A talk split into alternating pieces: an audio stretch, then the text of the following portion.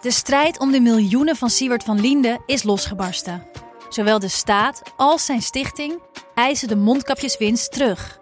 Maar dat die opbrengst in ieder geval niet thuis hoort bij Van Linde, daarover kan toch eigenlijk geen twijfel bestaan. Hoe kon het zo ver komen? Dit is het. We hebben beet. En als Siewert het geld teruggeeft, kunnen wij dit schandaal dan eindelijk loslaten? Je hoort het in de Mondkapjesmiljonairs, exclusief bij Podimo. Ga naar podimo.nl/slash mondkapjes. Deze podcast is 100% expertisevrij en alleen geschikt voor amusementsdoeleinden. De inhoud mag niet worden beschouwd als financieel advies. Dit is Jong Beleggen, de podcast. Ik ben Milou. En ik ben Pim. In deze aflevering, ja, het is toch december, een cadeautje voor alle luisteraars. We hebben een hele interessante gast voor jullie. Ja, een hele interessant. Iemand met 40 jaar beleggingservaring. Ja, klopt. Alex Otto, grote naam in de beleggerswereld. Ehm, en ja, zonder hem zouden we hier ook niet gezeten hebben, hè, Pim. Nee, de- het is, met Alex is het allemaal begonnen. Ja. Anders hadden we, hadden we geen podcast Hadden we geen podcast. zonder en, Alex. en was Pim misschien ook helemaal geen belegger geweest. Nee.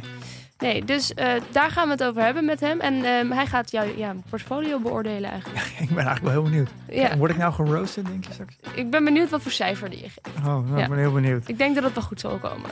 Maak ik hoop het zo. En we hebben het over wat voor beursjaar het is geweest. ehm, maar ja, waarin toch natuurlijk veel jonge beleggers zijn ingestapt. Eh, hoe ziet Alex Otto dat jaar? Het beursjaar in perspectief van iemand die 40 jaar ervaring heeft. Dat is natuurlijk wel heel interessant. Super waardevol. Eh, ja. En we gaan het nog even hebben over, eh, over Shopify, een review. Van, Ja. En we krijgen nog iets voor de Belgen. Een nieuwtje voor de Weer Belgen. iets voor de Belgen. Laten we maar beginnen.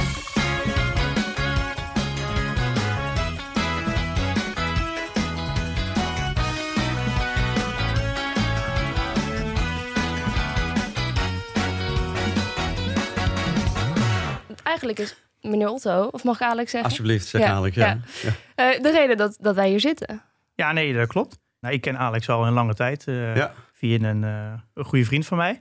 Eh Ja. is de vader van, eh, van Julian. En ik denk in 2017, toen kwam denk ik, Julian of jij Ja. met het idee om... Julian eh, wilde wel eens wat meer weten over beleg. We hadden een avond georganiseerd, ook met zijn partner erbij. Toen schoof eh, Pim Verlana. Nee, die kende Ja. ik ook nog vanuit zijn vriendengroep. Ja. Dus dat klopt, ja. Dat was 2017. kregen we eigenlijk de eerste deep dive in, eh, Ja, in beleggen. Ja, En ja. eh, die avond hebben we denk ik nog een paar keer herhaald.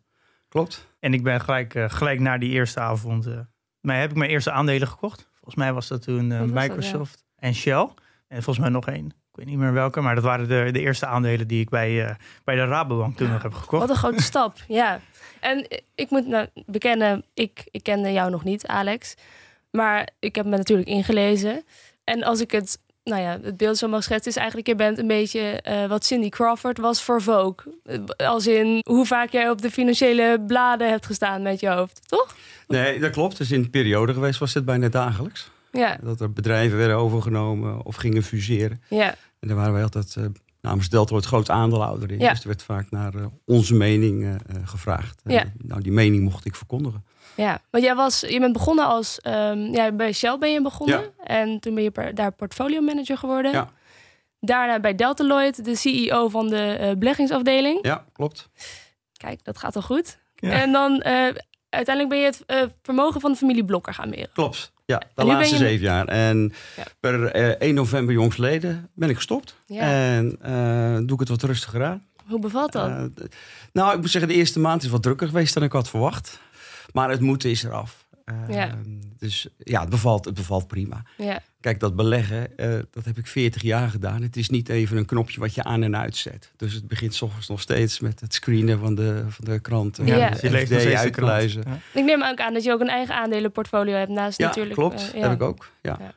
Dus dan blijft het eigenlijk, het, het houdt nooit op. Het houdt nooit op, maar dat is ook het leuke van beleggen. Het, het pak je en het stopt nooit. Ik bedoel, eh, s'avonds om half zes gaat de beurs in, eh, in Amsterdam, in Europa dicht. Dan is Amerika nog open tot eh, tien uur, half elf. En Ja. daarna gaat Japan open. Dus het gaat voortdurend door. Het staat nooit stil en er is altijd nieuws. Hè. Het is zoals als je naar tv-programma's kijkt. Als je winkelt, als je in de, de straat loopt. Hoe gaat het daar? Waar zie je veel mensen? Waar zie je weinig mensen? Alles vanuit het dagelijks leven is te vertalen naar een, een of andere belegging. Ja. En dat fascineert. Nou, dat, vind ik, dat merk ik dus ook wel. Sinds ik aan het beleggen ben, kijk je de wereld wel ook vanuit een belegger. Ja, ik herken dat heel erg vanuit mijn eh, eh, werk vanuit als een designer. dat ik, als je eenmaal designer bent, dan zie je de, de hele wereld vanuit een design oogpunt. Je kijkt als je een menukaart voor je hebt, dan kan je niet meer fatsoenlijk naar een menukaart. Je kijkt eerst hoe is het gedesigned. Ja. Eh, en wat voor ideeën zit erachter. En ik merk dat nu ook langzaam als belegger. Dat je heel erg bezig als je een bedrijf ziet, is het beursgenoteerd? Even zoeken of het. Precies, Of ja. het eh, Ja. En hoe gaat het dan met dat bedrijf? Ja, Eh, ja. je hebt ook een, laatst ook een heel mooi afscheidinterview gehad in, eh, in het FD. Ja, Is dat echt een soort van ook symbolisch om echt de boel achter te laten en eh, iedereen te laten weten dat je, dat je met ja ik, kreeg, ik kreeg het verzoek van het FD. En ik eh, ben ook een aantal jaren columnist geweest bij het FD. Ja. Dus ik heb nog een beetje een link met, eh, met mensen daar. En eh, die vroeg me, goh, zou je het leuk vinden om een afscheidsinterview te geven? Dus ik heb dat gedaan en eh, heel veel, ontzettend veel reacties op gehad. En uiteindelijk, ja, wel, eh, was een mooi moment eh, om er een, een st- een, een streep onder mijn actieve Ja, dat kan werk- loopbaan te zetten. Ik denk, dat, wat eigenlijk gelijk opviel was dat je wordt genoemd de Mister 5%. Ja. Nou, daar wil ik straks nog even op terugkomen. Daar heb ik echt, ben ik heel nieuwsgierig naar. Eh, dat je zo'n aparte naam Ja. hebt gekregen in, eh, in de beleggingswereld. Nou, als je, als je Sinds dat artikel word ik ook thuis al door mijn kinderen Mr. 5%. Ja, dat kan me voorstellen, weer. Want als je eenmaal zo'n specifieke naam krijgt, dat betekent wel dat er, eh, dat er iets Ja. bijzonders achter zit. Maar eerst wil ik, ben ik eigenlijk heel erg benieuwd naar wat, wat vind je eigenlijk van, eh, van de podcast? Want zonder, ja, zonder jou was deze podcast er eigenlijk nooit geweest. Nee, nou ja, nu je het zo zegt. eh, ik, ik moet zeggen, ik kan me die eerste avond best wel voor de geest halen. En, en in feite heb je het over beleggen. Wat is beleggen? Wat zijn de gevaren? Maar ook vooral, hoe doe je dat nu? En hoe koop je een aandeel? Wat moet je daarvoor doen? Hoe open je een beleggingsrekening? Hoe leg je een order in? Het zijn de vaak meest simpele dingen. En het is best angstig. Want ja, als je natuurlijk een tikfout maakt, dan eh, in plaats van 1000 euro beleg je ineens 10.000 euro. Ik noem maar iets. Ja. Ja, en het mooie is dat, dat het gewoon opgepakt is, opgepakt wordt. Eh, en zeker door, door jou, Pim. eh, ja, de- de- de- je hebt een bepaalde passie eh, heb je ontwikkeld, ook leidend tot deze podcast. En nou ja, je bent een aantal keren daarna ook bij mij thuis geweest. En dan ineens gaat die laptop open en dan zie ik een aantal spreadsheets. Dat ik denk van, wauw, die Ja? jongen heeft een ongelofelijke learning curve afgelopen. Daar stond ik echt van, van Je te bent kijken. onder de indruk. Ben ik zeker van onder de indruk. En ook als ik hoor en zie de populariteit van deze podcast.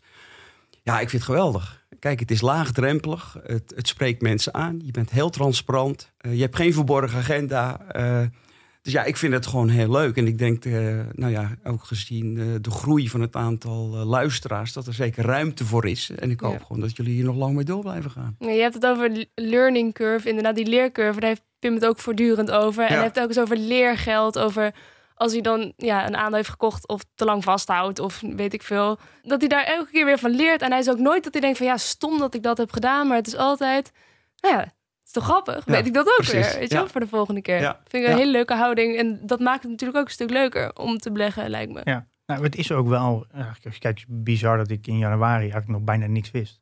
En als Ja. ik dan nu kijk eh, hoeveel ik nu al geleerd heb in een jaar tijd. Ja, Ik weet dat de curve natuurlijk uiteindelijk wel afvlakt, maar ik heb op een of andere manier bij mij een soort van eh, een gevoelige snaar geraakt. En ik, heb, Ja. ik ben natuurlijk al heel lang ondernemer en de- het, ik voel, ik merk dat het beleg ook een, eh, dat je daar ook heel veel in kwijt kan als ondernemer. Je Ja, bent ja, natuurlijk heel absoluut. bedrijven aan het beoordelen Ja. en ik merk ook dat ik daardoor ook heel anders nadenk over, over eigen ondernemingen. En het brengt ook heel veel, eh, Ja. heel veel dingen samen. Maar ik ben wel benieuwd naar, hoe ben jij dan begonnen als belegger, Alex? Ja, eh, ik ben in 81 begonnen bij, eh, bij Shell, Shell Pensioenfonds. Ja, En eh, eigenlijk helemaal geen beleggingsachtergrond. Ik heb HEO, bedrijfseconomie en commerciële economie eh, gedaan. En toen zeiden ze tegen mij, goh, zou je bij Shell Pensioenfonds willen komen werken? Ik denk, zo is pensioenfonds, als ik dat maar wakker hou. Ja dat ik Nou, maar wauw, toen kwam je op de beleggingsafdeling. Toen heb ik een aantal jaren heb ik de performance, heb ik een performance meting eh, systeem opgezet voor het meten van de performance van de portfolio managers die namens Shell Pensioenfonds aan het beleggen waren. Dus Ja, hoeveel rendement halen ze? Sorry? Hoeveel rendement? eh, Hoeveel ze- rendement ze behaalden. En eh, ja, daar werd ik zo door gepakt. Ja, en dan raad je zo verbonden met de portfolio managers. Als je dan binnenkwam eh, één keer in de maand, die vertelde dat ze het goed gedaan hadden. Nou, dan was je zo'n vent. En Ja. Ja, een goede carrière tegemoet. Ja. En als die performance wat tegen eh, viel, was het van nou, ik zou toch eens een keer narekenen. En heb je al leren rekenen op school en Ja. dat soort dingen allemaal. Ja, oké. ja. Maar het pakte me enorm. Dus ik heb daar een hele goede eh, leerschool gehad. Ik heb dat een jaar of vijf, zes gedaan. Maar waarom pakt het je zo? Wat is er dan nou, zo dat aantrekt? beleggen, die, die, eh, de- de- ja, en ineens sta je er heel dichtbij. En ben je bezig met koersen, je bent bezig met bedrijven, met markten. Met geld? Met geld, met heel veel geld. Ja, en toen eh, werd mij gevraagd, goh, zou jij, zoals dat vroeger nog heette, junior portfolio manager willen worden? Ja, En dat was per 1 oktober 1987. dat Nou, weet ja. je ook nog precies. Ja, maar dan word is- je dus beoordeeld door je eigen systeem wat je Absoluut. ontwikkeld hebt. Ja, maar dat is gelijk veel verder ontwikkeld. Maar dat was ook eh, waarin we de echte crash hebben gezien. Hè? Eh, oktober 87, Black Monday. Oh ja, Oh ja, Black Oh, Monday. Toen spannend. gewoon eh, eh, die markten op één avond gewoon eh 10, 15 procent naar beneden gingen. Ik weet nog goed, ik eh, was aan de opleiding van de VEB hier in Amsterdam. Lijkwitte bekjes zag je binnenkomen van mensen die gewoon bij brokers en banken werkten. En ook zoiets hadden, wat gebeurt er allemaal? Ja. Ja, en dat was eh, intrigerend. En ik kwam net kijken, dus ik stond echt als een kind. Toen stond ik gewoon eh, alles, eh, een kind, kind in de snoepwinkel van, Ja. hey, wat gebeurt er allemaal? Ik Ja. vond het allemaal reuze interessant. Ja, ik kan me voorstellen. Dus ja, toen, toen is het begonnen. En daarna heb ik een aantal jaren later mijn eigen portefeuille gekregen. Engelse aandelen, Spaanse aandelen. Eh, de Engelse aandelen vond ik heel interessant, omdat er geen land was op dat moment waar zoveel goede analisten waren als Engeland. Er waren echt analisten die 30, Oké. 40 jaar naar hetzelfde bedrijf keken. Dus ja, dat was gewoon een kwestie goed naar analisten luisteren Ja. voordat je je beleggingsbeslissingen nam. Ja. En Spanje stond daarmee in contrast? Eh, Spanje was heel anders. Spanje ben ik gewoon regelmatig naar Spanje gegaan, autootje gehuurd en gewoon langs die bedrijven gegaan. Daar hadden ze geen analisten. Nou, je had wel analisten, maar niet het niveau wat ik gewend was uit Engeland. Ja. En natuurlijk, eh, de analisten die er waren, probeer ik wel te gebruiken. Ja, En, en het voordeel was, ja, je had Shell eh, op je kaartje staan. Je kwam overal binnen. ja. En iedereen dacht, wauw, een groot, eh, potentieel grote aandeelhouder. ja. En toen ben ik pas echt eh, die begeistering gekregen van het ontmoeten van het management, het ontmoeten van bedrijven. Oh, ja. Maar is dat, eh, dat ook het grote verschil met toen en nu? Dat je eh, de informatie was, denk ik, toen minder goed voorhanden dan nu. Dus je moest wel het van analisten hebben. Je moest Ja. wel bedrijfsbezoeken doen. Want het, het- anders, anders kon je gewoon niet aan de juiste Nee, informatie komen. Dat klopt. Eh, tegenwoordig eh, het passieve beleggen, ETF's, hè, dat zijn de zogenaamde, ja, je weet het niet, dus je koopt, koopt gewoon een benchmark. Dat was er toen helemaal niet. Nee. Nee. Dus je moest echt je eigen portefeuille ingerichten. En daarvoor ja, moest je dus wel kennis hebben van bedrijven. ja. Dat kon je of via analisten of zelf bij bedrijven op bezoek gaan. Maar dan ben je dus eigenlijk ook, denk ik, wel als een portfolio manager ook wel. een- heb je wel in je om ook een goede ondernemer te zijn. Want als je veel langs gaat bij bedrijven, veel met management zit, dan als je, moet, je Ja. moet ook een beetje kunnen matchen, denk ik, Ja. met, eh, Ja, met, eh, met de eigenaar of in ieder geval de, directie. Dus Ja, je hebt nou denk ik ook heel veel ondernemersbloed in je dan. Ja, nee, ik kom uit een bakkersgezin. Dus wat dat betreft, eh, eh, het, het- het- het ondernemerschap eh, is me eigenlijk wel met de paplepel ingegoten. Ik werd vroeger ook met een bakfiets met brood de straat opgestuurd om eh proberen die leeg te krijgen. Verkopen, ja. Nee, maar dat is gewoon heel leuk. Ik vind het ook heel interessant eh, om, om ja, het management te ontmoeten, om je te verdiepen in een bedrijf. Eh, wat zijn de risico's, wat zijn de opportunities, wat zijn de kansen die je er ziet. Ja. Eh, ja, en toen ben ik gevraagd om bij Deltroy te beginnen. ja. Dus ja, zo is de bal eigenlijk aan het rollen gebracht. Ja. En voordat, je het, eh, voordat ik het wist, was ik eigenlijk gewoon fulltime bezig met, met beleggen. En fulltime bedoel ik gewoon 24-7. Wat ik net ook zei, dat staat nooit stil. Daar Nee. blijf je mee, mee doorgaan. En dus eigenlijk ben je er een soort van per ongeluk ingerold dan, als ik zo eh, zeg. Kan ik Ja, dat zo zeggen? Ja. ja. Beetje zoals jij. Ja, Ja. ja leuk. Ja. Ja. En ik kan me eigenlijk wel voorstellen, je, je, nou, je, de mensen om je heen, familie, vrienden, nou, misschien zelfs wel kennissen, weet iedereen dat je een goede belegger bent. Dus dan komen denk ik ook heel veel mensen naar je toe Ja. en met de vraag, Alex, wat moet ik kopen? Ja, dat is waar. Dat is, en, en in toenemende mate. Hè. Eh, ik bedoel, eh, bij de laatste crisis, de financiële crisis, 2008, 2009, kon je op je spaargeld nog eh 4,5, 5 procent krijgen. Ja. Dus je had het gevoel, nou, ik begrijp niks van dat beleggen en ik verdien wel gewoon aan mijn spaargeld. ja. Maar ja, we krijgen nu nul en vanaf volgend jaar zelfs een negatieve rente. Ja, dan, dan merk je toch wel dat de interesse ook is van, gewoon, kun je beter niet gaan beleggen. En zeker in maanden zoals afgelopen maand, het is heel bizar. Als de markt omhoog gaat, raken mensen enthousiast om te gaan beleggen. Ja. Ja. En als de markt onderuit gaat, dan willen ze het liefst... eh, eh, Klopt. En dat doet me denken aan die bekende quote van Warren Buffett die ik las. Als anderen greedy zijn, dan moet je terughoudend zijn. En als je terug... Ja. Dus ik heb Ja. wel een beetje het idee, nu ik dan ook ben eh, ingestapt, ik zit met die ETF's inderdaad. Eigenlijk is iedereen nu greedy, dus ik zou eigenlijk niet moeten doen. Snap je? Ja, ja, kijk, het beleggen is in, in, in principe heel simpel. Hè. Je moet kopen als het laag staat en verkopen als het hoog staat. Ja. Alleen het voelt vele malen prettiger om te kopen als het hoog staat. dan koop als het laag staat. Dat is heel vreemd. Dat zit gewoon in, eh, eh, in de natuur. En dat is eigenlijk het belangrijke van beleggen. Is gewoon proberen weg te blijven bij de emotie. Ja. En ik kan me best voorstellen na een rally van afgelopen eh, maand... waarin de AX volgens mij 15% gestegen is... Ja. dat je nou ja, misschien even rustig aan. Ja. Ik zou niet zeggen, ik ga gelijk verkopen. Want dan ga je proberen te timen. Ja. Nee, niets is zo moeilijk met beleggen als timen. Ja. Het is echt dat... eh, Zijn dat, dat is denk ik een van de lessen die je mee zou geven aan een beginnende belegger. Ik ga vooral niet timen. Nee, nee, nee dat, is, dat is gewoon heel moeilijk. Weet je. Eh, vroeger had je nog zogenaamde daytraders. Ja. Dat waren gewoon mensen die... Heb je die nog niet nog steeds? Ja, die heb je wel. Eh, volgens mij is het wel een beetje een uitstervend ras. Je merkt wel dat eh, eh, de, de gecomputeriseerde trading eh, eh, enorme run neemt. Ja. Maar gewoon mensen die eh, s ochtends eh, naar de borden kijken van... nou, ja, olies, eh, de olieprijs is vannacht wat gezakt. Laat ik vandaag even wat Roy Dutch kopen. In de hoop dat om dat s'avonds weer te verkopen. Ja, dat is een beetje casino-gehalte. Ja. En daar moet je van, van verre blijven. Ja. Ik moet zeggen, als ik, nu ik dat toch zeg... heel veel mensen die ik tegenkom noemen beleggen ook speculeren. Kijk, en dan raak Ja. je wel een gevoelige snaar bij mij. Want dat is het niet. Nee, dat Althans, niet zoals ik naar beleggen kijk. Het is niet hetzelfde als naar casino gaan. Wat is het dan? Het is gewoon zorgen dat je goed voorbereid bent, goed geïnformeerd bent. En dat je op basis daarvan wel overwogen beslissingen neemt. Niet elke beslissing is goed. Maar ik zeg altijd, als zes van de tien beslissingen goed zijn, dan eh, verdien je al meer dan het gemiddelde. Eh, eh, Ja. Dus wat dat betreft, dat is, dat is heel wat anders dan. Laat ik eh, eh, om tien uur maar even aandelen in Philips kopen. En vanavond om vijf uur gaan we wel kijken Ja. of ze hoger staan. Ik verkoop ze weer. Nou, dat kan wel. We hebben daar ook een keer een gesprek over. Toen jij zei, hoe noemde je dat nou? De winnaars zijn, eh, zijn goed gekozen en de verliezers zijn pech of zo. Hoe noem je Ja, dat is altijd. maar dat is, dat, dat- kijk, ik moet vaak presenteren voor management en een raad van bestuur. En voor de familie ook afgelopen zeven jaar. En ik zeg altijd: die dingen die je goed gedaan hebt, heb je goed gezien. En dingen die je niet goed gedaan hebt, heb je gewoon pech gehad. Weet je? Dus dat is een beetje. eh, Ja, dat moet je ook Maakt het ook lekker luchtig. eh, Dat moet je ook. ja, Ja, dat, dat- eigenlijk. Dan praat je het goed voor dat ook jezelf. Ja, inderdaad. Ja, maar je Ja. moet jezelf ook een beetje blijven motiveren, toch? Ja. Ja, ja, Eh, Maar dan, als ik het er zo nou een beetje uithaal, merk ben je echt een belegger wel voor de lange termijn. ja, Dus het- absoluut. dus, dat, uit- Ja. dat is ook de enige manier hoe je goed kan zijn als belegger, denk je? Ja, ik vind het wel. Dan hou je het ook leuk. Eh, kijk, het kan niet zo zijn dat je van dag op dag aan het beleggen bent. En dat je elke dag eh, of met een eh, rode kop eh, binnenkomt van... goh, ik heb geld verloren of ik heb geld gewonnen. Nee, beleggen is A, het is voor de langere termijn.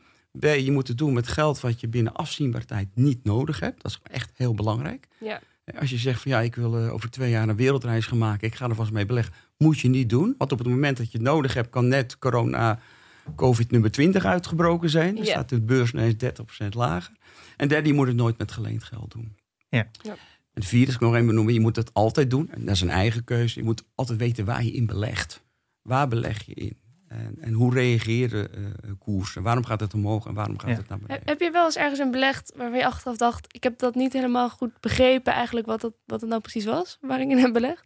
Ja, in het begin wel. Dan ga je in bedrijven eh, zitten die ik wat minder goed kende. Maar Ja. op dit moment, als je naar mijn privéportefeuille kijkt. Ja, dat zijn bedrijven. Ja, ik, ik ken niet alle ins en outs, maar ik begrijp wel de dynamiek. Ja. Weet je, ik vind gewoon als je kijkt naar het nieuws. Wat er op een bepaalde dag gebeurt, dan moet je kunnen begrijpen waarom een bepaalde aandelen omhoog gaan en waarom we naar beneden gaan. En die dynamiek moet je, eh, moet je gewoon begrijpen. Je moet gewoon in grote lijnen weten eh, hoe eh, de koers reageert van bepaalde drijf- bedrijven vanwege het nieuws wat er op dat Ja. moment. eh, Maar dat is iets wat je natuurlijk ook over tijd ontwikkelt. Ja, Eh, eh, en op begin wil je natuurlijk een, ook gelijk een gespreide portefeuille hebben. ja, Dus dan zie ik je natuurlijk wel erg in een soort van raar speelveld van je wil wel een beetje, ja, misschien wel snel 20, minimaal 20 aandelen hebben om gespreid te zitten. Omdat je het risico wil, wil verlagen. Maar je kan eigenlijk nooit in, in zo'n korte tijd 20 aandelen de dynamiek volledig van kennen. Nee. Nou ja, weet je, en, en het begint ook met interesse. Ik bedoel, eh, jij hebt echt de interesse. Jij gaat echt in namen zitten. En Milou, jij zit in ETS. Het zal je interesse hebben, maar je moet ook de tijd hebben en het leuk vinden om echt op zoek te gaan naar bedrijven. Ja. En dat is ook de eerste keuze die je moet maken. Als je gewoon zegt van luister, ik wil gewoon op lange termijn eh, een rendement maken op aandelen. Prima, doe het in een ETF. En dan ga je eh, met de markt mee omhoog. Je gaat met de markt mee naar beneden. Je kunt ook zeggen, ja, maar ik vind het juist leuk om naar bedrijven te kijken. Wat maakt het nou dat koersen omhoog gaan? Wat maakt het dat koersen naar beneden gaan? Ja, en dan kom je dus eh, bij een portefeuille zoals die van jou, eh, waarop je echt gaat verdiepen in bedrijven. En waarop je probeert achter te komen van oh, waarom gaat dat omhoog en waarom gaat dat naar beneden? En Ja. moet ik misschien wat bijkopen op dit moment?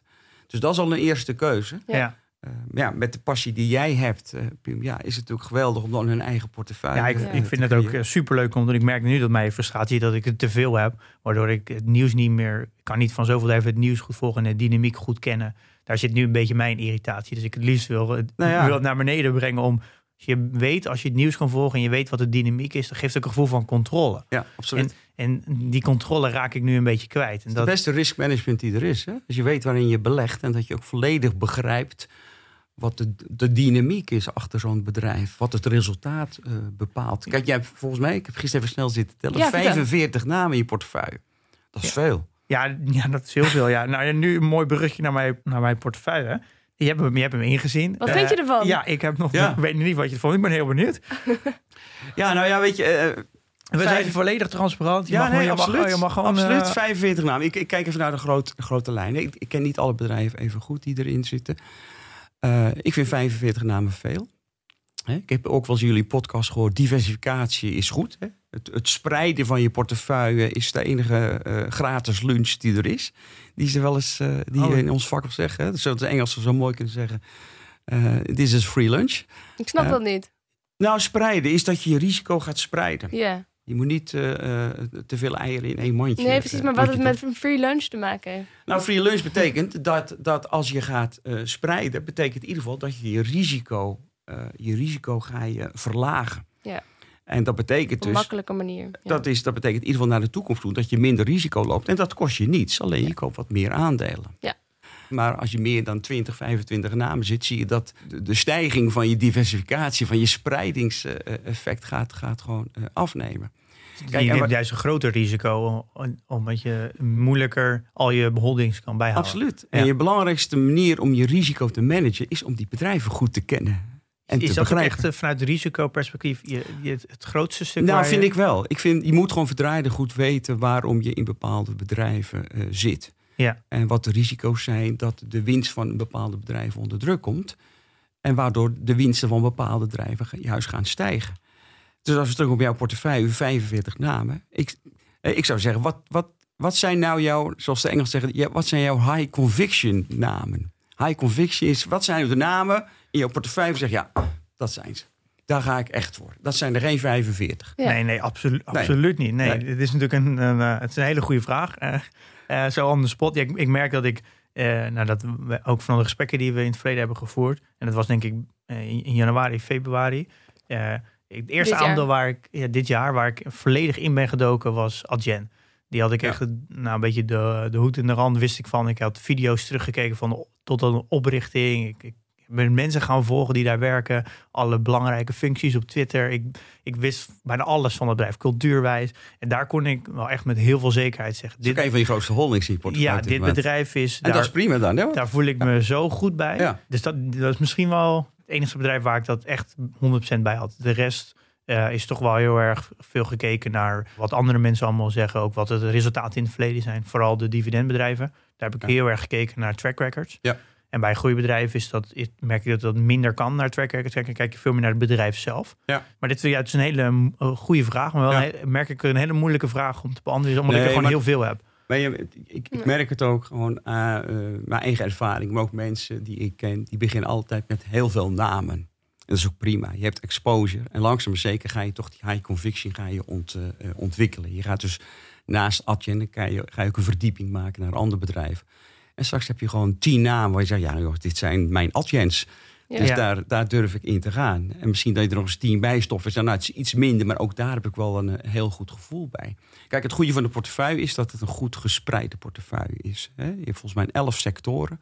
Ja. Je zit in elke sector. Ik vind dat heel belangrijk. Farmacie, telecom, energy, noem maar op. Ik zie dat je ook nagedacht hebt over dividendaandelen en groeiaandelen. Mhm. Ja. Nou, je hebt 60% voor de dividend eh, gekozen en 40% voor de groeiaandelen. Dat vind ik een prima, prima spreiding. Hangt ook van je eigen agenda af. Hè? Ik bedoel, ja, eh, als je wat dichter bij je pensioen zit, kan ik me voorstellen dat je wat defensiever gaat beleggen. Ja. En dan ga je in plaats van 60% dividend, ga je misschien naar 90% dividend. Maar jij in jouw uh, bloei van het leven, denk ik, uh, 60, 40 is prima. Zelfs nog een beetje defensief. Maar vooral in deze tijd denk ik dat dat gewoon een ja, ik, ik denk dat dat een hele goede is. Nou, over dat, dit stukje krijg ik ook heel veel vragen over. En dat is vooral in deze tijd, de dividendaandelen doen het veel minder goed. Het is natuurlijk vooral meer een beetje de oude economie, waardeaandelen. Dan de groeiaandelen hebben dit jaar vooral technologie. Die doen natuurlijk fantastisch. Er zijn natuurlijk heel veel jonge beleggers die, die hier naar luisteren. Ik krijg heel vaak een mailtje. Ja, waarom heb je zo'n oude mans portfolio? Oude mannenportefeuille. Ja, ja. Uh, dividendaandelen, dividend is passé. En ik, ik, wat ik zelf heel erg heb, is dat ik ben, kom net kijken en ik wil gewoon niet zo snel mijn strategie aanpassen aan de hand van de huidige marktomstandigheden. En eh, omdat ik ook nog niet in het verleden veel heb meegemaakt, geloof ik gewoon ook niet dat nu in één keer alles in één keer groei wordt. Eh, hoe, hoe zie jij dat? Nou, het hangt er helemaal vanaf wat je doelstelling is. Hè? Wat ik zojuist zei. Kijk, als je gewoon, uh, God, je bent nu begin 30, als je begin 30 bent, en je zegt waarvoor beleg je? Hè? Behalve dat je het leuk vindt. Als het echt iets voor later is voor je pensioen, dan kan ik me voorstellen dat je zegt, hé, hey, ik, ik, ik kan wat meer in groeiaandelen uh, stoppen. Want dit is voor de hele, hele langere termijn. ik bedoel, bedrijven als Adyen, Just Eat Takeaway, ja, die moeten het niet hebben voor een dividend. Op het moment dat Just Eat Takeaway dividend uit gaat keren, dan moet je er volgens mij uit. Ja, Want dan is de groei er ook uit. En dan betaal je gewoon veel te veel voor zo'n aandeel. Dus het, het gaat met name over, wat zijn je eigen doelstellingen? Hè? Ik bedoel, ik ben net 61 geworden. Ik ben met pensioen. Ja, ik heb ook een portefeuille. Ik vind het bijvoorbeeld wel lekker om gewoon inkomsten uit mijn portefeuille te krijgen. Ja. En uh, een wat defensievere portefeuille zodat ik niet straks bij mijn kinderen langs moet gaan om te vragen van, joh, heb je nog wat brood op tafel? ja, Weet je, ja, ik, ik chargeer het een beetje. Dus het hangt, eten mee. Ja, dus hangt ook een, echt af van je eigen persoonlijke uh, ja. agenda. Maar dit bevestigt wel heel erg mijn gevoel die ik, die ik al heel lang bij me draag, dat ik met wel wat dividendportfolio iets wil verkleinen. Ik merk dat ik een, kan me voorstellen. best wel wat aandelen heb zitten. En ik denk dat nou, Johnson Johnson is daar een heel mooi voorbeeld van. Dat is zo stabiel, en, maar wel zo defensief. Daar, daar, daar kan je voor mij nooit een fout mee maken. Nee. Je krijgt daar altijd meer dan op je spaarrekening. Ja. Uh, maar het, het, dat het nou echt beter doet dan de markt, die kans is, is denk ik ook niet zo heel groot. En dat zijn eigenlijk dan aandelen die nu op dit moment dan heel zonde zijn om te hebben. Ja. Aan de andere kant, als jij altijd gewend bent om rente te trekken uh, van je deposito, uh, van je Rabo, internet sparen of weet ik waar, dat is er niet meer, dat valt weg. En als je als belegger afhankelijk bent van bepaalde inkomsten uit je beleggingsportefeuille, dan is een dividendportefeuille gewoon heel prettig. Ja. Want je krijgt gewoon, hey, je, kunt op dit moment een wereldwijde aandelenportefeuille samenstellen met een inkomsten uh, dividend yield van 4, 4,5 procent. Uh, als je dan toch weet, ik beleg het op langere termijn. Dus het mag best af en toe naar 10% naar beneden gaan. Het maakt niet uit, zolang ik dat dividend maar krijg. En dat hangt uh, helemaal van je persoonlijke leven af. Dus ja. ik kan me helemaal voorstellen dat jij zegt...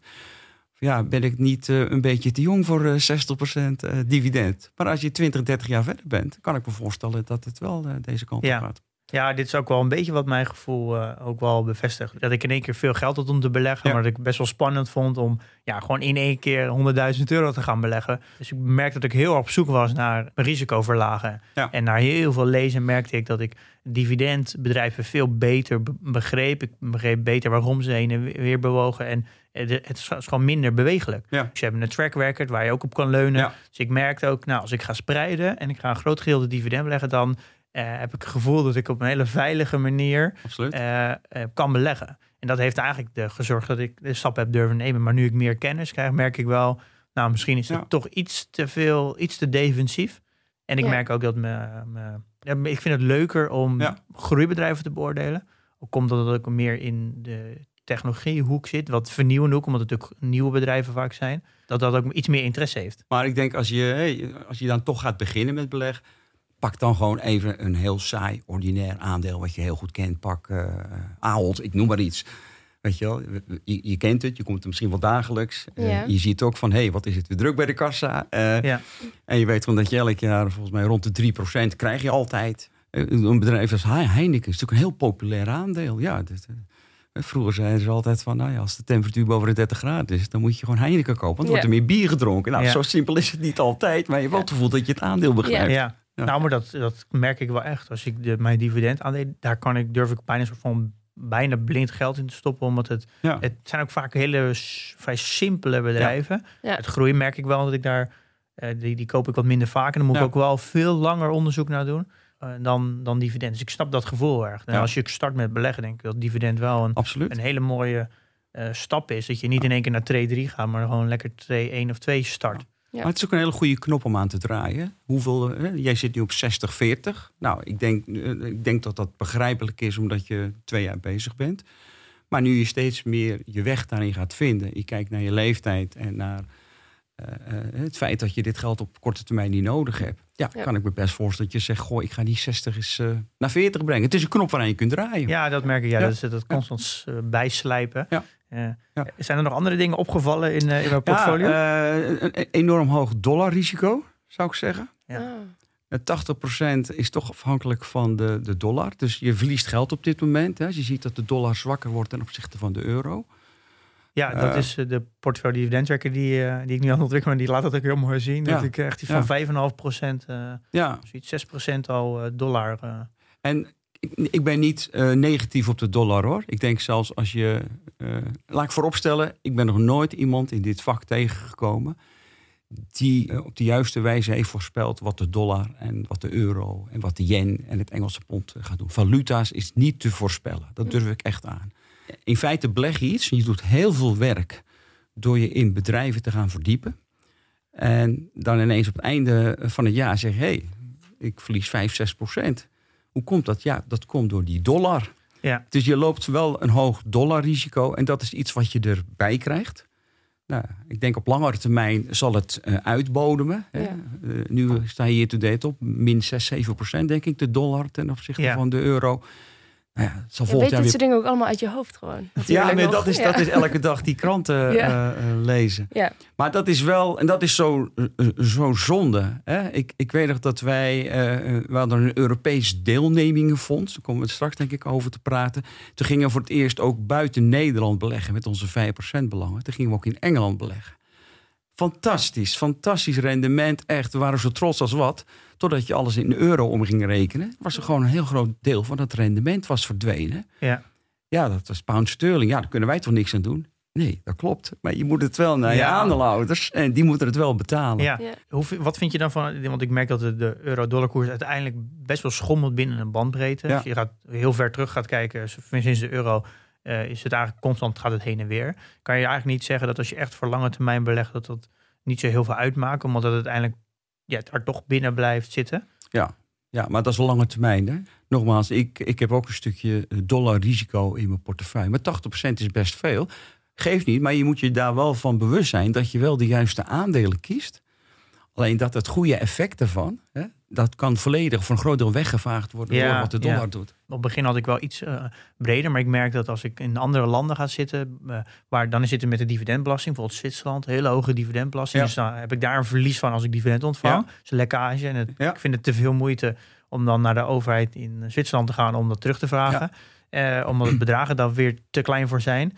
En ik merk dat ik, als ik ga naar Azië, dan ben ik nu langzaam richting China aan het gaan. Maar ik merk dat ik heel veel moeite heb om de dynamiek van een bedrijf te begrijpen. Omdat de dynamiek werkt ook met cultuur. En ik merk dat ik die cultuur niet zo heel goed ken. En de toegang tot informatie is toch anders. Het En dat is het het- probleem ik, heb, met China. Hè? ik heb het gevoel dat er altijd een laag tussen zit. Dus een interpretatie op een interpretatie. En daar heb ik heel veel moeite Ja. mee. Dus daarom heb ik eigenlijk uiteindelijk besloten... Van, nou, ik laat eh, Azië op het begin nog een beetje liggen. Want hoe zie jij dat? Is dat inderdaad zo dat cultuur onderdeel uitmaakt van die dynamiek? Ja, absoluut. Ja. absoluut. Weet je, ik, eh, ik vind China mega interessant. Ja. Alleen eh, je merkt wel dat de beurs in China nog ongelooflijk gedomineerd wordt of kan worden door overheidsregels. Ja.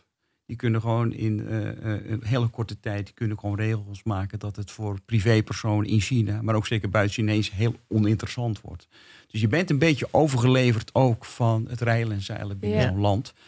En het is, weet je, wel, ik ga niet, het is gewoon, het is gewoon een wat minder ontwikkelde markt dan de Amerikaanse aandelenmarkt. Maar dat wordt steeds beter. Ja. En nogmaals, ik denk dat China, nou ja, dat wordt de, de grootmacht van de wereld. Ik denk dat ze binnen tien jaar Amerika voorbijgestreefd zijn. Dus ja, dat je een brokje exposure daarop eh, opneemt, is prima. En ik denk een bedrijf als Alibaba, wat ook gewoon wereldwijde exposure heeft, is, is, gewoon, eh, is, is gewoon prima. Alleen Ja. je krijgt relatief weinig goede informatie nog steeds. En dat zit er weer, wat je zelf van, je moet het bedrijf goed kennen. Je moet een Ja. eh, high conviction Ja. rate hebben op het bedrijf. En dat vind ik moeilijker in Chinese bedrijven. Ja. Al staat het wel echt hoog op mijn lijstje om een keer met een, eh, een expert eh, te zitten aan tafel die China heel goed kent vanuit Ja. een beleggingsperspectief. Want ik wil er graag zelf heel veel over, Ja. meer over weten. Eh, Maar ik had nog wel, mag ik nog even ja, vragen? ja, natuurlijk. Dat dividendgebeuren hadden we het net even over. En toen moest ik denken aan Shell, die dus eh, begin het jaar opeens voor het eerst zijn dividend heeft verlaagd. Hoe viel dat bij jou, Alex? Eh, ik heb altijd eh, geroepen, en volgens mij stond het ook in dat FD-artikel, dat de CEO van Royal Dutch, van Shell, die het dividend gaat verlagen, moet nog geboren worden. Ja, Kijk, ze hebben hun dividend sinds de Tweede Wereldoorlog alleen maar toe laten nemen. ja, Hè? Eh, ik bedoel, als je, als je praat van welk aandeel zou je voor je oma kopen, je opa en oma kopen, dat aandeel, dat kan eh, Dat gaat niet geen, fout. kwaad, geen kwaad aan. Ik had het absoluut niet verwacht. Als jij Nee. vorig jaar eh, deze tijd aan mij gevraagd had van, joh, moet je, wat gebeurt er met dat eh, dividend van Royal Dutch? Zeg ik, nou, dat blijft gewoon overeind. Ja, en dan komt corona. ja. En corona heeft zo'n ongelooflijke impact gehad. En we zagen dat eh, alles viel stil. De vliegtuigen die vliegen niet meer, de auto's rijden niet meer, de wereldwijde economie stond stil. ja. En olie is zo ongelooflijk afhankelijk daarvan. Dus je zag die olieprijs als een bom naar beneden gaan. Het is zelfs negatief, Negatief, hè? geweest. Ja. Negatieve olieprijs Ja. hebben we nog nooit Ja. gezien. Ja. en dat kon zelfs een bedrijf als Royal Dutch, waar toch heel veel cash zit, eh, kon dat gewoon niet bijlopen. Dus nee, ik, ik had dat nooit verwacht. Ik had nooit verwacht dat we in de situatie Ja. terecht zouden komen waar we in zaten, of nog steeds een beetje in zitten. Ja, dus, dus ineens zie je die koers van eh, 24 euro naar 10,80 euro gaan. Ja. Nou, ik kan me nog heel goed herinneren dat we hadden net over 2017 toen we de eerste soort van beleggingsavond hadden. Volgens mij eh, was dit ook een van de eerste dingen die je vertelde. Ja. Eh, over dividend beleggen en dat Ja. nou, de, de Ja. CEO moet nog geboren worden. Ja. Ja. Nou Ja. ja, maar ja, niemand zag corona aankomen natuurlijk. Maar, en achteraf is altijd makkelijker praten. Maar het is niet ondenkbaar natuurlijk. Maar stel zo dat, dat, dat, dat ik alles, of, dat, of jij, of dat we alles in Roy Dutch hadden belegd. Ja, dan, dan heb je wel even een probleem. Zeker Ja. als je dan 61 bent en met pensioen gaat. Dan zeg Zo, je, hey. ja. Ja. En dan kom je bij dat spreiden. Hè? Dus daarom moet je zeggen, je moet altijd zorgen dat je gewoon een aantal bedrijven die ook in andere sectoren eh, eh, zitten. Want welke sectoren doen het heel goed op dit moment? Nou, ook de IT-bedrijven. Ja. Hè, Ja. Kijk naar de, de, de food, eh, de supermarkten, kijk naar de farmaciebedrijven. En dat Ja. is de kracht van spreiding. Ja. Het goede nieuws voor Roy Dutch vind ik wel, is dat ze hebben natuurlijk een dividend verlaagd volgens mij met 60 Eh, ze hebben bij hun derde kwartaalcijfers hebben ze voor het eerst hun dividend alweer verhoogd. Dus dat is wel weer een teken van eh, eh, vertrouwen. Ja. Ja. Aan de andere kant, nou ja, gisteren is natuurlijk de rechtszaak begonnen tegen Shell van eh, allerlei milieubewegingen. Ja. Nou, dat gaat Oh, ook ja. jaren duren. Ja. Ik heb, ik heb ze weer in portefeuille. Ik ben er wel even tussentijds even uitgestapt Ja, voor een ja. deel, maar ik heb ze wel Rond de weer, 10 eh, euro weer ingestapt. Maar ik heb wel het idee dat... Het is je grootste holding volgens mij. Ja, en nu helemaal, want het, Die koers is natuurlijk flink opgelopen. het is voor mij 54% gestegen. Ja, hè? ja. Dus ja, dat, dan gaat het hard als, je, als er al veel in zit. Maar ik ga, wil dat wel, eh, ik ga die wel zeker verlagen. Ik Ja. vind dat ik Ja. te veel exposure naar Shell heb. We weten in ieder geval, Pim, dat jij eh, goed genoeg gespreid zit eh, voorlopig. Dus Ja, nee, dat is, dat is zeker. Nou, het geeft een fijn gevoel ook om eh, eigenlijk de, de gedachten die ik zelf al had, dat ik eh, kleiner wil en dat ik wat meer eh, richting groei wil gaan. Eh, groei hoeft nu niet per se te betekenen dat het natuurlijk om technologie gaat. Ja. Ik wil ook groei meer, ook weer meer gespreid hebben. Mijn focus is nu spreiding in dividend. En ik wil straks ook meer spreiding in groei hebben. En het iets meer naar groei verleggen en kleinere, met minder holdings. Dus dat, dat gevoel Ja. had ik zelf al. Dat bevestig je ook. Dat geeft natuurlijk een, eh, Ja. geeft een heel fijn gevoel. ja. ja. Ja. nou ja, en dan zijn er nog duizend dingen die we nog verder zouden willen Ja. bespreken met eh, Alex Otto. Eh, maar dat, ja, dat, is, dat gaan we even naar een volgende aflevering tillen, toch Pim? Ja, ik denk Ja. dat, eh, dat we gewoon een deel 2 gaan maken. Precies, er komt een deel 2. Maar wat ik dan wel nog even wil doen, is het nieuws bespreken. Want we hebben nu natuurlijk een expert aan tafel en dan moeten we de actualiteit even doornemen. Pim, jij nieuws. Ehm, ja, ik denk, nee, je, je stipte het al even aan. Ik denk dat het, eh, we zijn nu afgelopen, afgelopen maand, november, eh, is het volgens mij een recordmaand in de wereldindex qua groei. Dus nog nooit zo'n harde groei, 13,2 procent. En waarom ik het eigenlijk even uitgepikt heb, is dat ik denk dat als je belegt is, dan eh, moet je deze maand meepakken. Anders kan je eigenlijk volgens mij je rendementen wel vergeten. Dat is de reden waarom je volgens mij nooit moet timen. Maar wat voor soort beursjaar stappen alle jonge beleggers nu in? Ja, het is natuurlijk een enorm onzeker jaar. Het is een eh, uniek jaar. Hm. Hè? Ik bedoel, we zijn in maart volgens mij wereldwijd eh 35 procent zijn de beurzen naar beneden gegaan. Ja. Eh, enorme nervositeit waar we in terecht gekomen zijn. We hebben een heel snel herstel gezien. Hoe kwam dat? Met name door de stimuleringspakketten van de centrale banken en van de overheden. Dat is de reden waarom er op een gegeven ogenblik toch wel weer gekocht werd. Zag je best weer een snel herstel na maart. Eh, waar stap je in? In ieder geval, eh, er lijkt op dit moment eh, licht aan het einde van de tunnel met de vaccins. Iets wat aangeeft dat, er, dat daar hier een einde aan komt. Maar wat blijf je, waar, in welke omgeving zit je dan? Eh, de economie heeft een enorme tik gekregen. Eh, hier en daar wordt, ook, wordt ook gezegd, het is een zombie-economie. Wat gewoon heel veel bedrijven worden Ja. in stand gehouden door overheden. Het is een, een, een economie die door de overheid draaiende gehouden wordt. En het belangrijkste, en daar zitten we al jaren in... en daar zullen we nog jaren in blijven zitten... eh, er is op dit moment een enorm gebrek aan rendement. Er is geen rendement. Je kunt je spaargeld niet meer op, de, op een rekening zetten. Dus het moet naar groei. Dus je bent op zoek naar van hoe kan ik mijn eh, eh, vermogen laten groeien. En dan, de, de Engelsen hebben zo'n mooi woord die zeggen TINA. Dat is there is no alternative. Ja. Er is gewoon geen alternatief. Dus ik kan me voorstellen op dit moment, eh, en zeker na een maand als afgelopen maand met plus 15% AX, dat meer mensen naar het beleggen gaan, eh, eh, gaan kijken. In een hoogst onzekere wereld, maar waarschijnlijk wel een wereld die weer aan het opkrabbelen is. Ja. Alleen markten zijn daar al op vooruit gelopen. Dus daar moet je wel rekening mee Nou, wat houden. ik, de- waarom ik hier eigenlijk specifiek naar vraag. is, We hebben natuurlijk ook een community. Er zit nu bijna 600 man. En ik merk dat bijna iedereen in de community heeft. Die staat op een positief rendement. Nou, als het natuurlijk een fijne manier is om te beginnen met beleggen. Absoluut. Is het natuurlijk in een, het jaar, eerste jaar positief afsluiten. Wat kunnen we nog meegeven aan alle jonge beleggers. Dat ze volgend jaar niet uitstappen als het een keer slecht gaat. Want dat gaat hoogwaarschijnlijk. Kan dat denk ik niet zo- zo'n goed jaar meer worden voor de meeste beleggers, denk ik, eh, dit jaar als volgend jaar. Nou, ja, het ligt er wel op je ingestapt bent. Hè? Ik denk als je per 1 januari ingestapt bent, dat je nog steeds al op een verlies staat met Ja. AX. Denk ik. Ja, de, dat is om en erbij. Maar Ja. ik denk dat de meeste Ja, mensen ja. het maandelijks bijkopen. Eh, Maar, maar Pim, we komen weer precies terug op wat we zojuist gezegd Dit kun je niet timen. Dat is echt onmogelijk. Als je geld hebt, en nogmaals, het is geld wat je binnen de afzienbare tijd niet nodig hebt. Ga niet proberen. Je kunt natuurlijk af en toe een beetje versnelling aanbrengen. Als de AX een tik naar beneden krijgt. Of net zoals nu een harde, eh, heel hard omhoog gaat. Maar blijf gewoon elke maand wel eh, eh, geld toevoegen aan die portefeuille. Ja. Ja. En natuurlijk, ik kan me voorstellen dat je in een maand, eh, eh, eind november, dat je zegt, nou, ik doe een wat minder groot bedrag naar die eh, plus 15 procent. Ja, ja. Maar blijf het wel doen. Eh, dus, dus ga niet proberen te timen, want echt, ik, ik, eh, op het moment dat je denkt dat je over water kan lopen, krijg je natte voeten. Eh, dus dat is, eh, daar moet je echt, daar moet je voorzichtig mee, eh, eh, mee zijn. Ja. En ik ben er nog steeds van overtuigd. Langer termijn, vanaf dit, op dit moment langer termijn, eh, ga je altijd een goed rendement maken ten opzichte van andere beleggingscategorieën. Alleen, eh, je moet dat niet gaan proberen te timen. Ja. En andere beleggingscategorieën. Dan denk heb ik je aan het over- vastgoed, ik Ja. denk aan obligaties, hedge funds, private equity, Ja. dat, soort, eh, dat soort zaken. Of spaargeld. Want dan weet je in ieder geval zeker dat Ja. je eh, op nul tot negatief uit gaat komen. Ja, en je hebt ook nog inflatie natuurlijk. en je hebt Dus, inflatie. Ja. Ja. eh, Oké, nou ja, dat is een goede, nog even zo'n goede Ja. tip zo op het eind. Hou vol, Ja, jonge beleggers. ja. Nou, dat is eh, wel genoeg, denk ik, zo voor aflevering 1 van eh, het, de tweedelige serie met Alex Otto. Eh, dank dat je, eh, nou ja, zoveel hebt verteld er weer aan Pim. En een, een persoonlijke beoordeling hebt gegeven over zijn portfolio.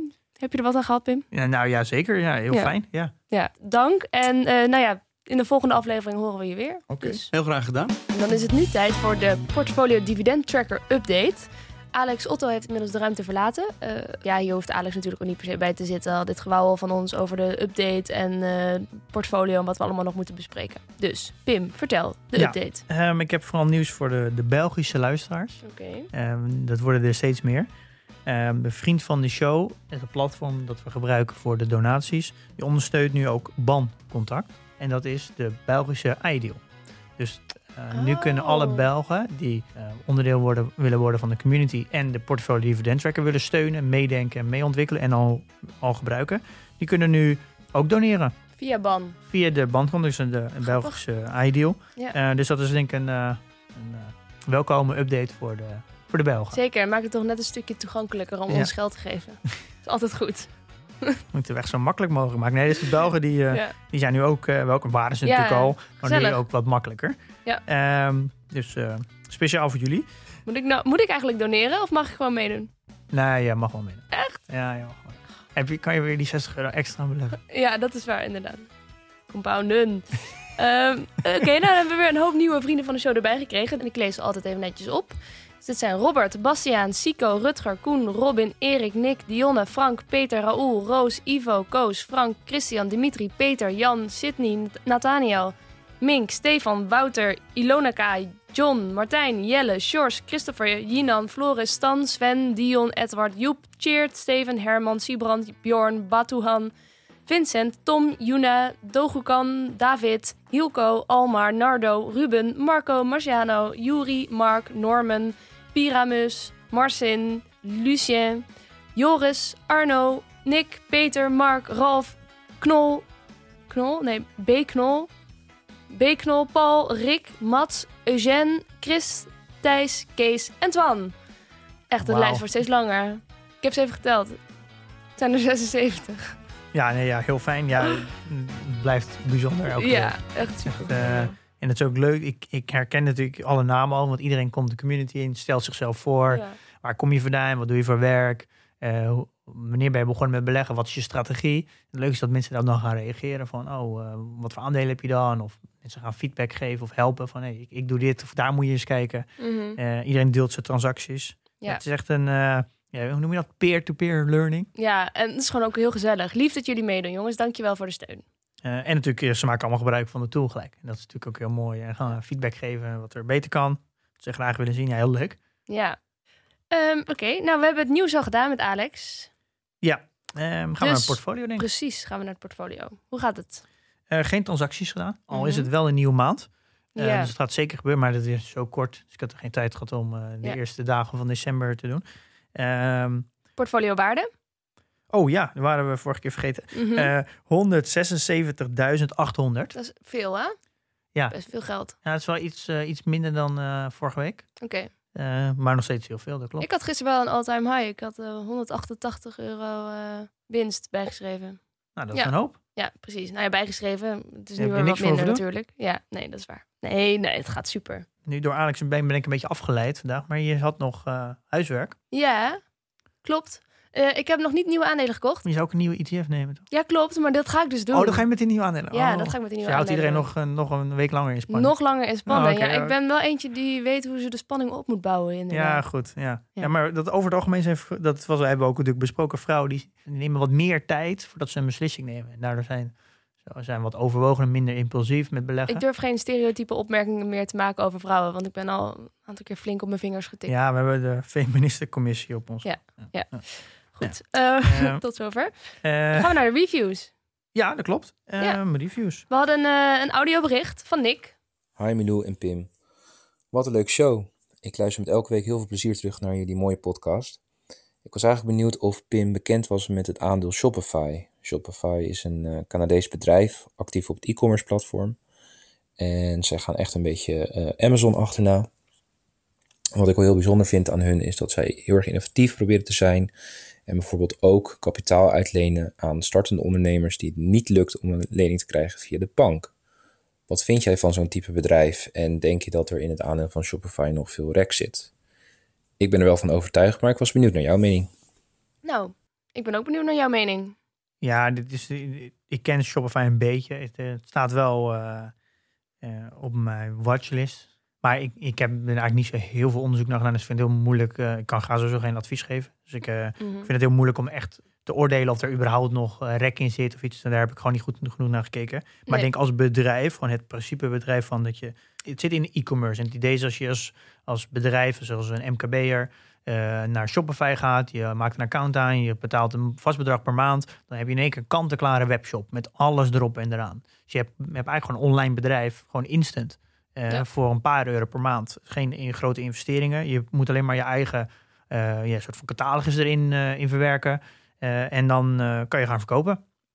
Dus het is heel makkelijk om een webshop te beginnen. Eh, en ik denk dat vooral door corona zijn natuurlijk heel veel webs, heel veel winkels. Die zijn natuurlijk gewoon in één keer een webshop gaan maken. En dat is vrij makkelijk met Shopify. Wat ze ook nog doen, is ze pakken ook nog eens een percentage op elke sale. Vaak 1 tot 2 procent. En ze hebben ook nog een vaste opstartfee van 20, 30 cent. En daar zit natuurlijk, ze pakken eigenlijk gewoon op elke transactie die iedereen doet. en pak ze gewoon geld. Ja, dat is natuurlijk volumes. Dat is natuurlijk een briljant model. is wel, ja, ik Eh, wou net zeggen, het het is echt- fijn Het idee. is echt een briljant model. Ja. Dus het werkt ook hartstikke goed. Dus ik zie niet zozeer de vergelijking met Amazon, omdat Amazon namelijk één platform heeft en daar iedereen alles op, op zet. En dat met het idee met Shopify is eigenlijk hetzelfde, wel hetzelfde principe dat, dat je de onderliggende techniek aanbiedt. Alleen in plaats van dat het één plek is waar iedereen komt, geef je eigenlijk alle verkopers, geef je eigenlijk een platform, een technologie, dat zodat ze een eigen webwinkel kunnen beginnen. En ze moeten ook een eigen promotie doen, zijn eigen marketing. Dus je biedt alleen het fundament in plaats van ook de, het bereik. Kijk, Ja. Amazon biedt ook het bereik aan. Ja, Dus ik vind dat model echt wel degelijk anders. ja oké. Eh, dus het is volgens mij een heel mooi bedrijf. Al zie ik wel dat het, eh, de koers-winstverhouding is ook wel extreem hoog nu. Elk twee jaar verdubbelt de omzet. Eh, dus dat is wel positief. 1,2 miljard, 1,5 miljard omzet. Alleen het verlies verdubbelt ook eh, om de twee jaar. Eh, dus we hebben nog steeds geen winst. Maar volgens mij is het aan de buitenkant zo over snel gezegd. het bedrijf aan zich zit volgens mij wel prima in elkaar. Een groeimarkt. Technisch zit het goed in elkaar. Weet jij nog hoe je dit, dit antwoord begon? Ja, ik heb me er niet echt in verdiept en ik weet niet zo goed hoe het zit. Ja, nee, ik ken dit bedrijf al heel lang. Want ik ken. Er zijn, ja, toch? Maar dit, dit komt omdat in, in Nederland had je vroeger van die webshops Lightspeed en eh 1, 2, 3 webwinkel en zo. En dat, dit concept, dit ken ik al van eh, denk, ik, acht jaar geleden eh, in Nederland. Alleen die, die partijen zijn allemaal opgekocht. En het is allemaal geconsolideerd naar een aantal partijen. En eh, Shopify is, heeft de meeste gekocht en is gewoon de grootste. oké. Maar ik heb het bedrijf aan zich niet Nee, ik snap het. Ik heel snap goed bekeken. Ik plaag een beetje. Ja, oké. Eh, ehm, Oké, nou dan dank voor je vraag, Nick. Eh, over Shopify, goede vraag. Oké, nou, volgende week gaan we het weer hebben over Alex Otto, want dan is hij gewoon Oh. weer te gast. Niet overhalen, want dan met. We gaan met Alex Otto praten. Ja, en over? Nee, we gaan het hebben over eh, een aanmerkelijk belang. En hij wordt ook wel de Mister 5% genoemd. Ja, Eh, en daar willen we alles van weten. Wat houdt dat in? Ja. wat, ja, wat moet je doen om een 5% te hebben? En hoe organiseer je nou een bedrijf? Precies, want daar weet hij natuurlijk alles van. Eh, Ja. ja, vrij succesvol portefeuillebeheerder van Deltaloid voor een hele lange tijd. De baas voor de beleggingstak daar. 40 jaar beleggingservaring. Ja, nou, dat is echt een. eh, het is inderdaad wel echt. Je gooit er een kwartje in en. Nou ja, dat wordt veel meer waard, dat kwartje uiteindelijk. Ja, dat is net beleggen. Het is net beleggen, inderdaad. Nee, dus daar, daar hebben we weer zin in. Ehm, hopelijk kijk jij er ook naar uit, luisteraar. En eh, nou ja, in de tussentijd, blijf investeren in je kennis en beleg met beleid.